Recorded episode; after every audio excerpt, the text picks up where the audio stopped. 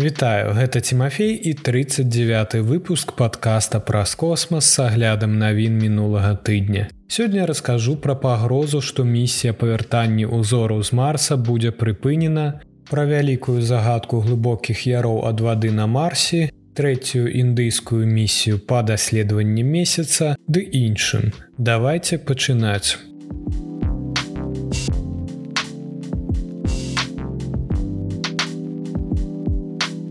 Вяртанне ўзораў з марса под пагрозай.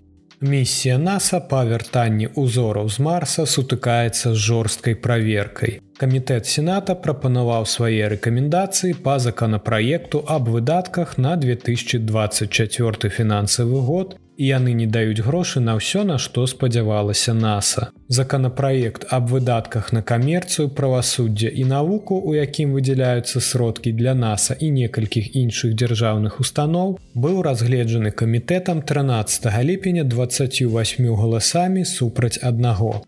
Законапраект забяспечвае фінансаванне бягучай праграмы NASA Атэміс на месяц і іншых ініцыятыў па даследаванні, але скарачае бюджэт для касмічнага агенства на планетарную навуку больш чым на паўмільярда долараў.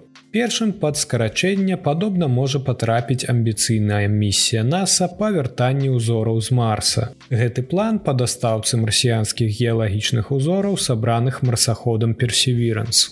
У справаздачы выказваецца занепакоенасць у сувязі з пераносамі тэрмінаў місіі і павелічэнняў выдаткаў. У нядаўнай справаздачы падрабязна апісаны прагнозы ўнутраных выдаткаў на гэтую місію. І наса амаль што падвоіла агульную адзнаку місіі да 8-9 мільярдаў долараў. У справаздачы сенацкага камітэта указваецца на іх занепакоенасць тым, што місія павяртанні ўзораў з марса мае прыярытэт над іншымі місіямі NASAа. Камітэт сур'ёзна занепакоены тэхнічнымі праблемамі, з якімі сутыкаецца місія па вяртанні ўзору і патэнцыйнымі далейшымі ўздзеяннямі на пацверджаныя місіі. У справаздачы NASAа даецца 180 дзён пасля прыняцця законапраекта, каб падаць гадавую разбіўку бюджэту місіі, якая адпавядае плану кошту жыццёвага цыклу ў памеры 5,3 мільярдаў долараў. А калі касмічнае агенцтва не ўкладзецца ў тэрмін ці не скароціць выдаткі адпаведнасці з прапанаваным бюджэтам, місія можа быць адменена. Камітэт таксама дазволіў сабе прапанаваць праграмы, па якіх гэтыя сродкі могуць быць пераразмеркаваны ў выпадку такой адмены. Яны ўключаюць кампаніі Атэміс або місію флагманскага арбітальнага апарата і зонта да урана. Мэта місіі павяртання ўзору з марса гэта збіраць узоры з марсіянскай паверхні і паспрабаваць вярнуць іх для вывучэння на зямлю. За ўсю гісторыю касмічных палётаў толькі некалькі місій роботаў па вяртанні месячных узораў былі паспяховымі. Спроба сабраць і вярнуць матэрыял з марса амбіцыйнае прадпрыемства, якое ніколі не рабілася. Місія ўяўляе сабой супрацоўніцтва NASAа і еўрапейскага касмічнага агенства, для якога спатрэбіцца рабатызаваны пасадачны модуль, пара верталётападобных дронаў, падобных на верталёт інжынёці, які лётае вакол марсіянскай паверхні разам з марсаходам персевіранс. Персеверанс таксама робіць свой унёсак у місію па вяртанні ўзору. Марсаход мае 38 кантэйнераў для ўзораў, якія ён запаўняе і размяшчае памеры перамяшчэння па паверхні Марса, якія ў канчатковым выніку будуць сабраны пасадачным модулем. Пасля збору пад'ёмны апарат запусціць узоры на арбіту чырвонай планеты і сустрэнецца з арбітальным апаратам вяртання на зямлю які ўзляціць з арбіты марса па курсе на зямлю, дзе капсула завершыць доўгае падарожжа ўзораў мяккай пасадкай з парашутам у пустыні юта. У выпадку поспеху марсіянскі матэрыял можа даць даследчыкам бесцэнныя дадзеныя. Тэорыі аб геалагічным развіцці марса, гісторыі планеты нават аб прыкметах старажытна-біялагічнага жыцця. Дзесьцігадовы агляд рэкамендуе місіі павяртання ўзораў завяршыць яе як мага хутчэй. Але падкрэслівае, што кошт місіі не павінен падрываць доўгатэрміновы праграмны баланс планетарнага портфеля. У цэлым законапраект фактычна скарачае сродкі NASAа на 384 мільёны долараў у параўнанні з 2023 фінансавым годам. Гэта часткова звязана з законам аб фінансавай адказнасці прынятым сенатам у мінулым месяцы, які абмяжоўвае выдаткі не звязаныя з абаронай у наступным годзе.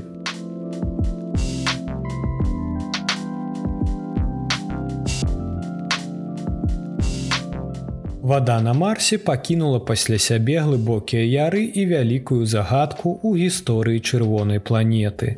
Новае даследаванне показала, што яры на марсе маглі ўтварыцца, калі чырвоная планета моцна нахілілася на бок, што выклікала рэзкія кліматычныя зрухі, з-за якіх вада сцякала ўніз па схілах, утвараючы яры. Навукоўцы ўпершыню знайшлі іх на марсе ў 2000 годзе. Яны вельмі нагадалі каналы, якія ўтвараюцца на зямлі ў сухіх далінах Антарктыды, выразаных вадой з расталых леднікоў.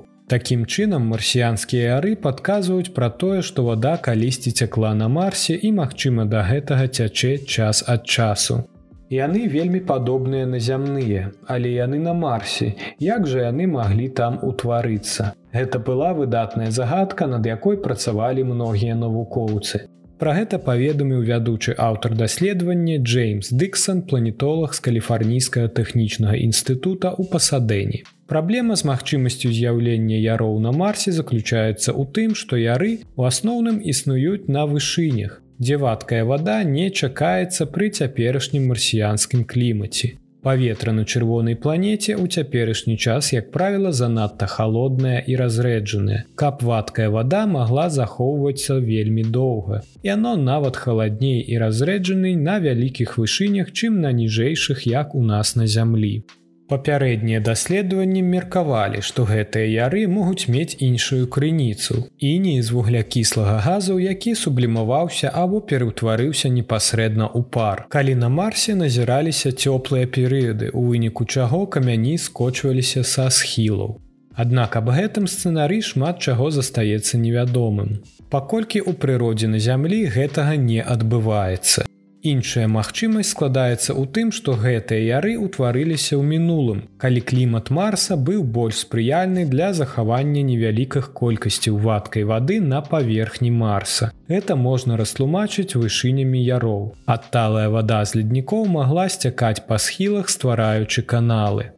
Каб убачыць, ці магла на марсе існаваць вадкая вада, навукоўцы вывучылі, як яго восевы нахіл змяняецца з цягам часу а таксама патэнцыйныя наступства гэтага нахілу. Чым больш полюс планеты нахілены адносна яе арбіты вакол сонца, тым больш розніца ў тым, колькі сонечнага святла атрымліваюць розныя часткі гэтай планеты на працягу года.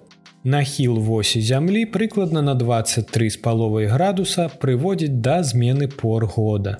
Цяпер нахіл марса складае каля 25 градусаў, але на працягу сотняў тысячу гадоў ён вагаўся ад 15 до 35 градусаў, што магло прывесці да яшчэ больш рэзкіх змен клімату. Даследчыкі вывучылі, як часы больш высокага нахілу на марсе прыводзяць да больш рэзкіх ваганняў паміж зімой і летам і патэнцыйна больш спрыяламу клімату для вадкай вады. Яны распрацавалі глобальную трохмерную мадэль марсіянскага клімату, каб убачыць, што можа адбывацца пры нахілі 35 градусаў.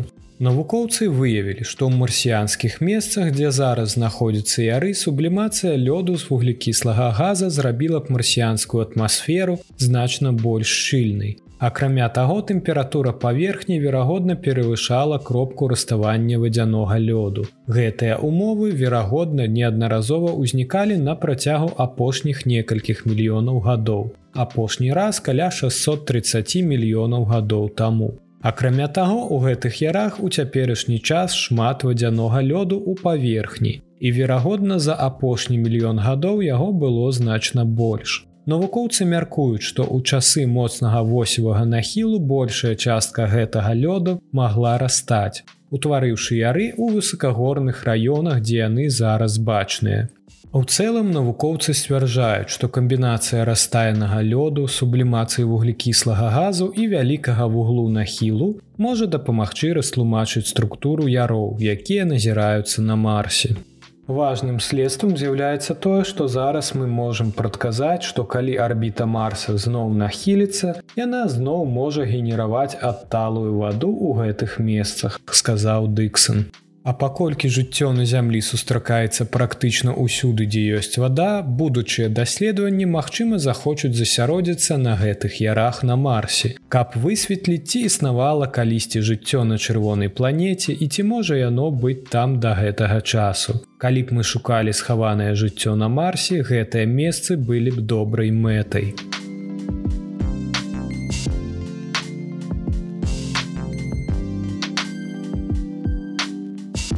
Расійскі пасадачны модуль Луна 25 прыбыў на стартавую пляцоўку для старта 11 жніўня. 10 ліпеня касмічны карабель Луна 25 быў адпраўлены на касмадром усходні на далёкім усходзе краіны і дастаўлены ў пункт старту для запланаванага запуску ў жніўні гэтага года.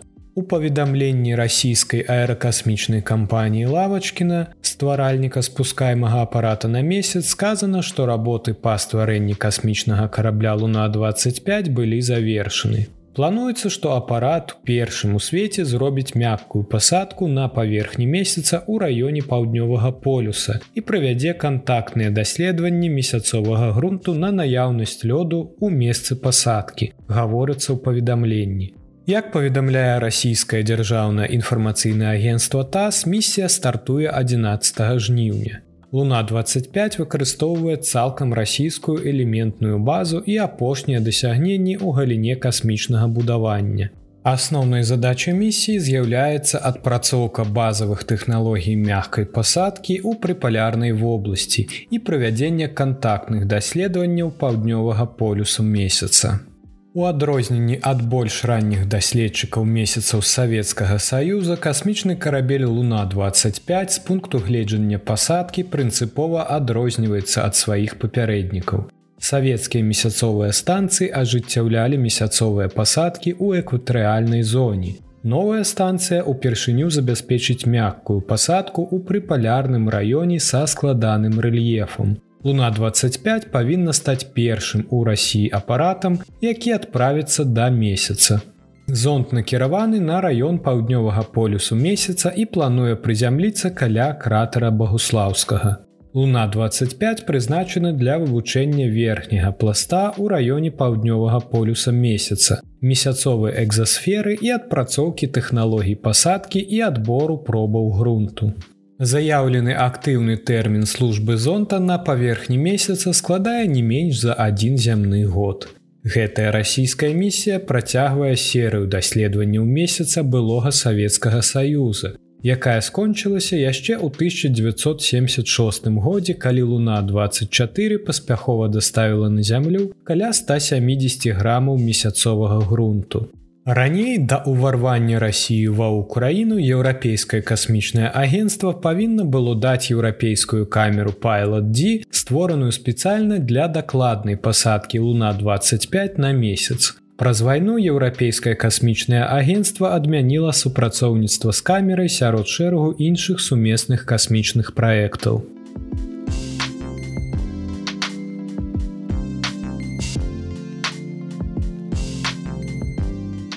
Што чакае індыйскі месяцаход Чандраян 3.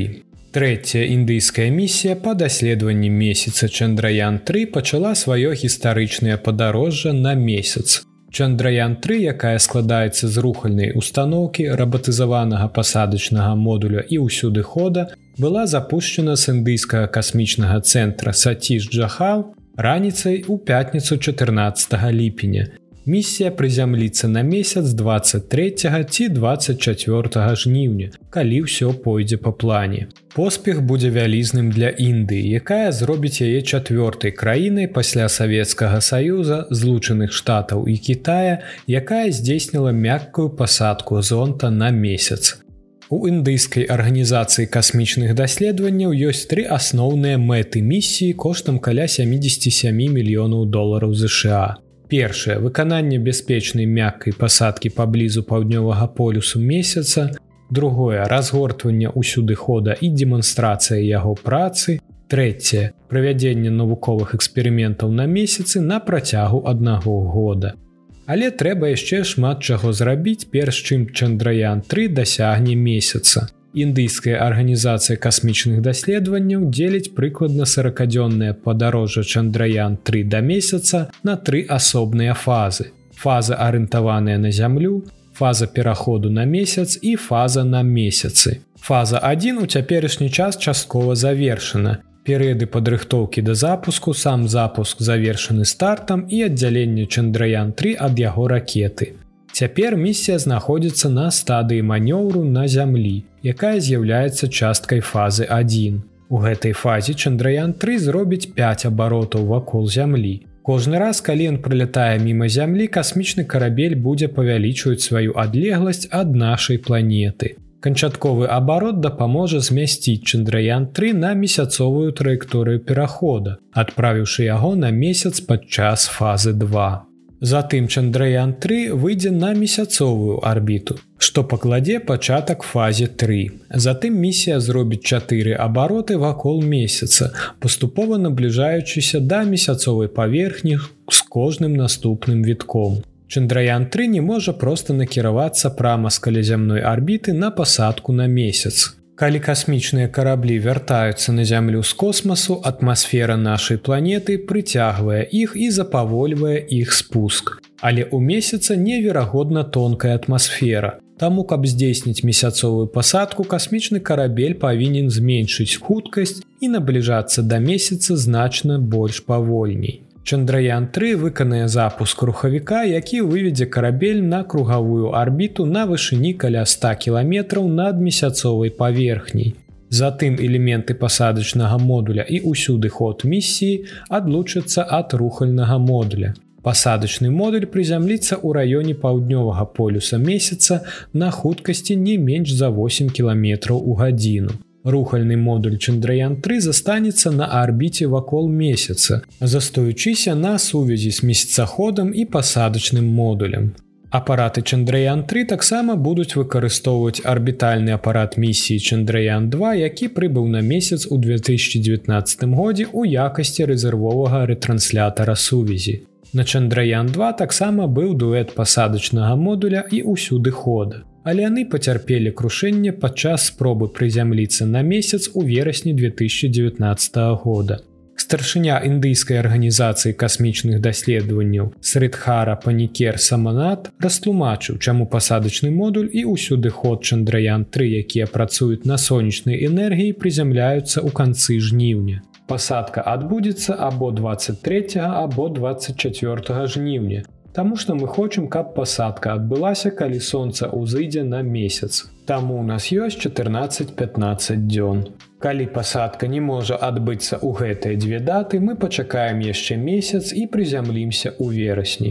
Пасадачны модуль Чандраян 3 мае ўласную рухальную сістэму, сродкі навігацыі і навядзення, а таксама сістэмы выяўлення і прадухілення небяспек індыйская арганізацыя унесла некалькі змен пасля крушэння чандраян 2 гэтыя паляпшэнне уключаюць узмацненне апор пасадачнага модуля павелічэнне дапушчальнай пасадачнай хуткасці і даданне новых датчыкаў для вымярэння хуткасці пасадкі. Як толькі бяспечная пасадка адбудзецца месяцаход чандраян 3 адправіцца ў шлях. Месяцаход мае ўласную навуковую апаратуру для даследавання месяца У тым ліку лазерны спектраскоп індукаваны прабой, які дазваляе аналізаваць хімічны склад месячнай паверхні і рэнтгенаўскі спектрометр альфа-часціц, які будзе рабіць тое ж самае для месяцовых парод і глебы вакол месца пасадкі чандраян 3.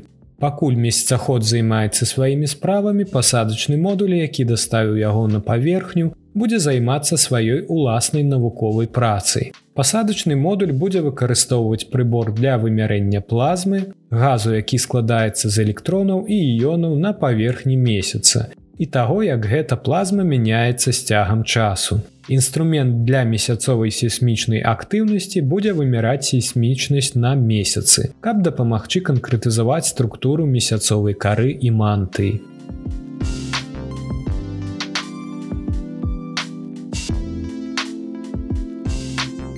Гэта ўсе навіны, пра якія я хацеў распавесці вам у выпуску. Цяпер пагаворым аб самых цікавых падзеях наступнага тыдня.